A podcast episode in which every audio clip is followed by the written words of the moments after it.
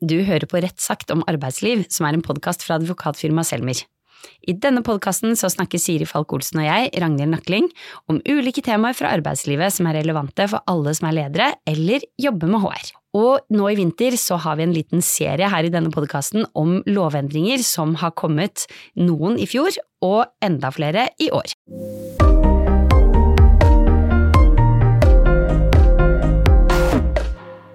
I dag skal vi gå nærmere inn på den endringen som er gjort i bestemmelsen om arbeidstaker og arbeidsgiver i arbeidsmiljøloven, nemlig paragraf 1-8. Ja, fordi at eh, ordlyden i loven den er endret, eh, men er det sånn at dette endrer den eh, vanlige oppfatningen vi har hatt av hvem som er arbeidstaker og hvem som er arbeidsgivere, og med de rettigheter og plikter det innebærer, Ragnhild? Er det sånn? Nei, det er ikke snakk om noen revolusjonerende endring, men det er en presisering, det er en lovfesting, som vi jurister kaller det, av det som man egentlig har mange tiår med rettspraksis om, som gjelder hva er en arbeidstaker. Samtidig så er det jo sånn at nå som dette står i loven, så vil det kunne få praktiske konsekvenser, og det vil kunne gjøre at kravene skjerpes til når man skal kunne si at en person som gjør en jobb, ikke er en arbeidstaker. For nå er det utgangspunktet. Ja, og det er jo sånn at tidligere så har definisjonen av eh, en arbeidstaker vært enhver som utfører arbeid i en annens tjeneste, mens en arbeidsgiver det har vært enhver som har ansatt arbeidstaker for å utføre arbeid i sin tjeneste. Så ganske så kort og enkelt, men kanskje ikke helt rett fram likevel. Nei, det stemmer det, det har vært mange saker for domstolene de siste tiårene som handler om arbeidstaker- og arbeidsgiverbegrepet, og ofte så er det skille mellom selvstendige oppdragstakere og arbeidstakere, altså hva er en person, klassifiseringsspørsmålet sier man ofte, som blir satt på spissen. Når er en oppdragstaker i realiteten en ansatt? Der er det mange dommer fra Høyesterett. Ja, og det som har skjedd da fra Nyttår det er jo altså da en endring i eh, denne regelen i arbeidsmiljøloven som definerer eh, hva som menes med en arbeidstaker og arbeidsgiver. Og hva sier loven nå, Siri? Ja, nå så sier loven at eh, en arbeidstaker det er enhver som utfører arbeid for og underordnet en annen. Og så I tillegg så er det nå eh, lovfestet noen momenter som skal ha betydning eh, ved denne vurderingen, altså nemlig om vedkommende løpende stiller sin personlige arbeidskraft til disposisjon, og om vedkommende er underordnet gjennom styring, ledelse og kontroll. Eh, og det nye året det er at loven nå også sier at det skal legges til grunn at det foreligger et arbeidstakerforhold, med mindre oppdragsgiver gjør det overveiende sannsynlig at det foreligger det som kalles et selvstendig eh, oppdragsforhold. Og hva, hva, ligger i dette?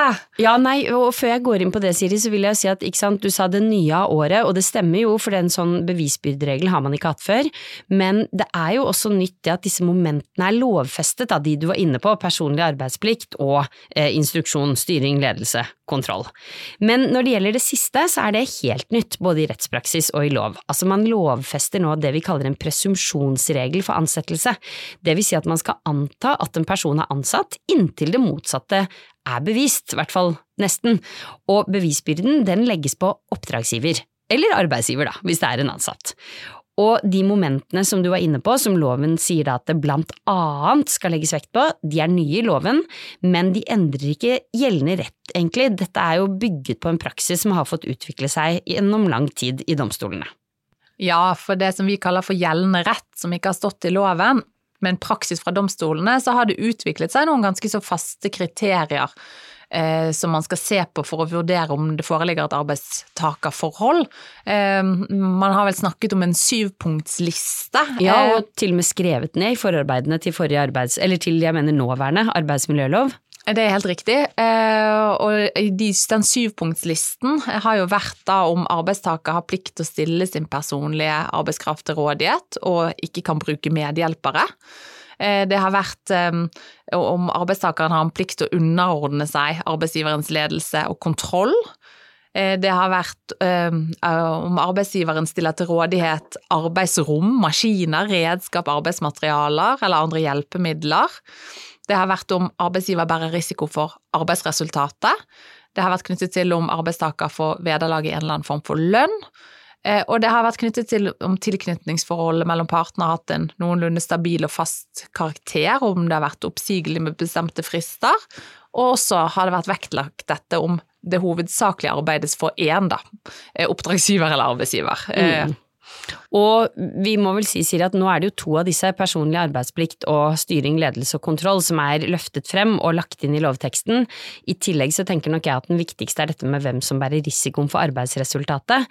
Men vi kunne jo se for oss en liten case da, Siri, som kan illustrere noen av de vurderingene som må gjøres. Ja, og da tenker jeg at vi skal bevege oss til en liten rørleggerbedrift med eh, flere løpende oppdrag for privatkunder, og som også har større rammeavtaler for næringsdrivende.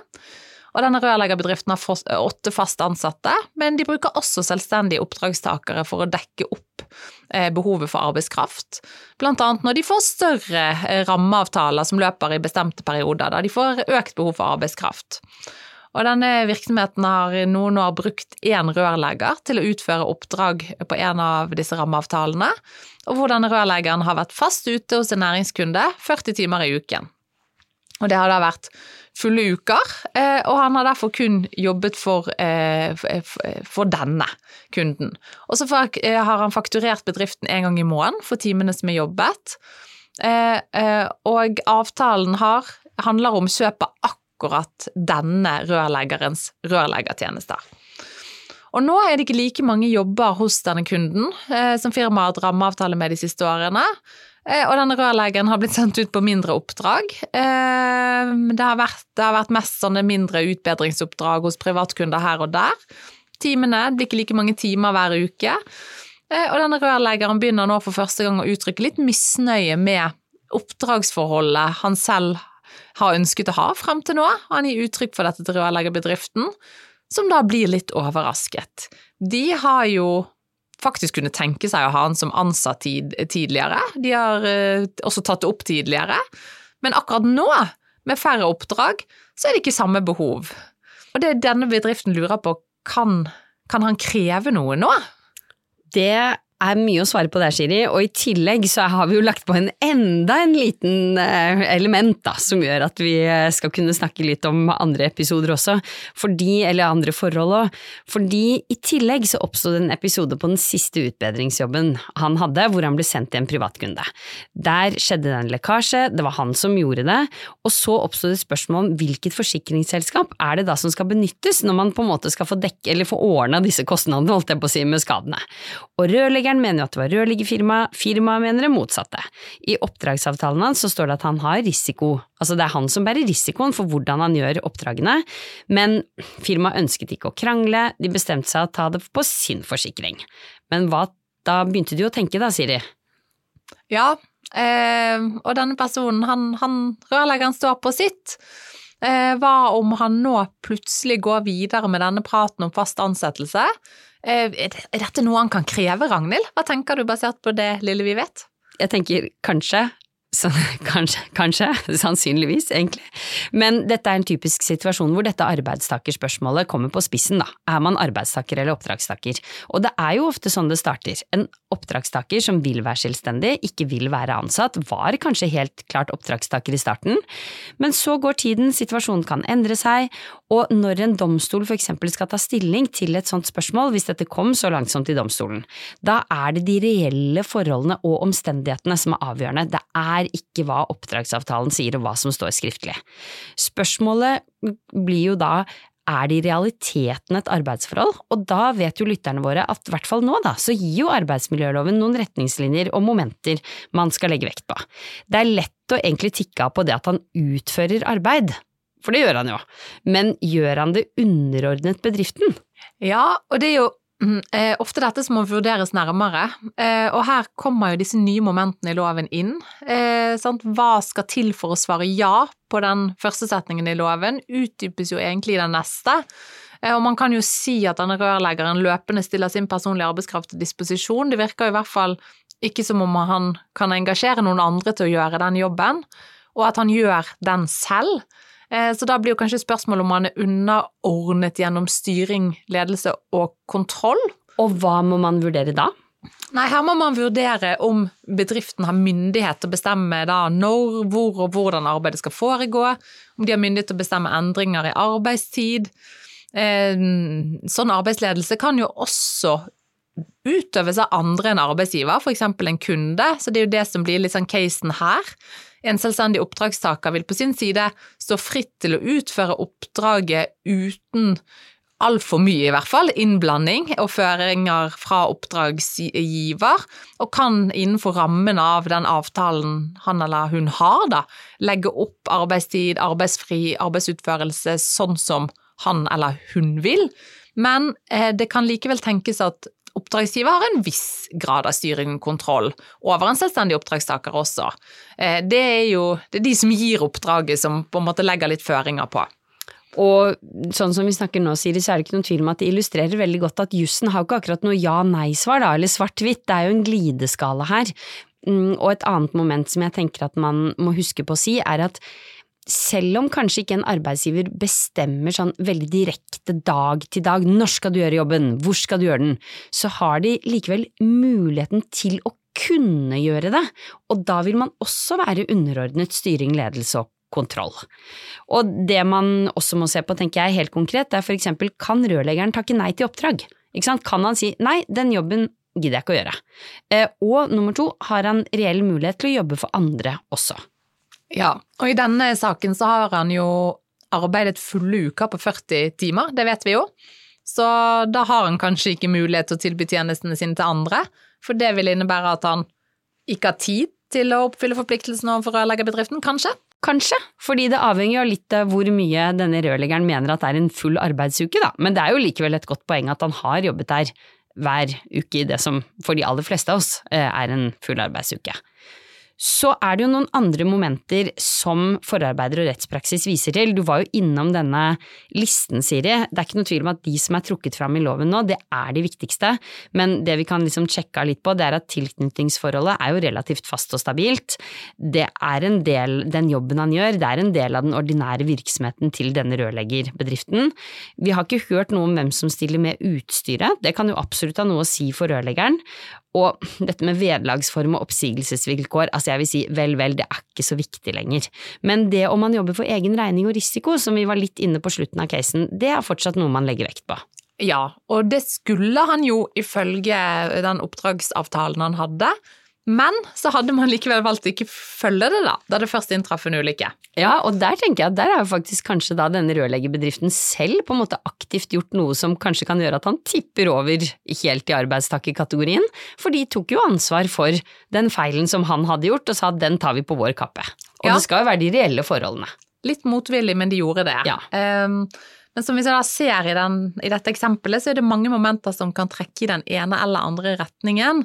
Og det skal gjøres en sånn helhetsvurdering i hvert enkelt tilfelle eh, hvis dette spørsmålet om det foreligger et arbeidsforhold kommer opp, da. Jeg syns jo at det er mye som trekker i retning av et arbeidsforhold. Gjør det, syns du ikke?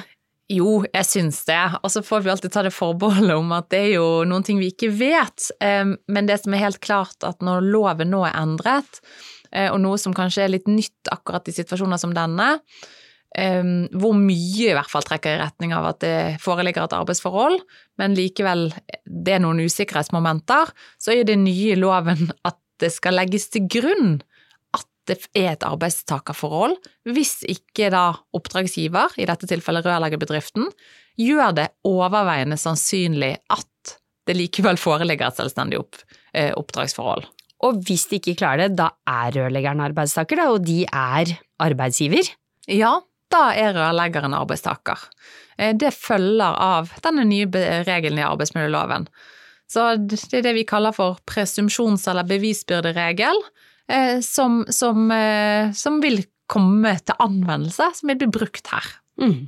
Så hvis det er tvil, så skal man gå, arbeids, gå, for arbeidstaker hvis ikke oppdragsgiver gjør det overveiende sannsynlig, som det står i loven, at det foreligger et selvstendig oppdragsforhold.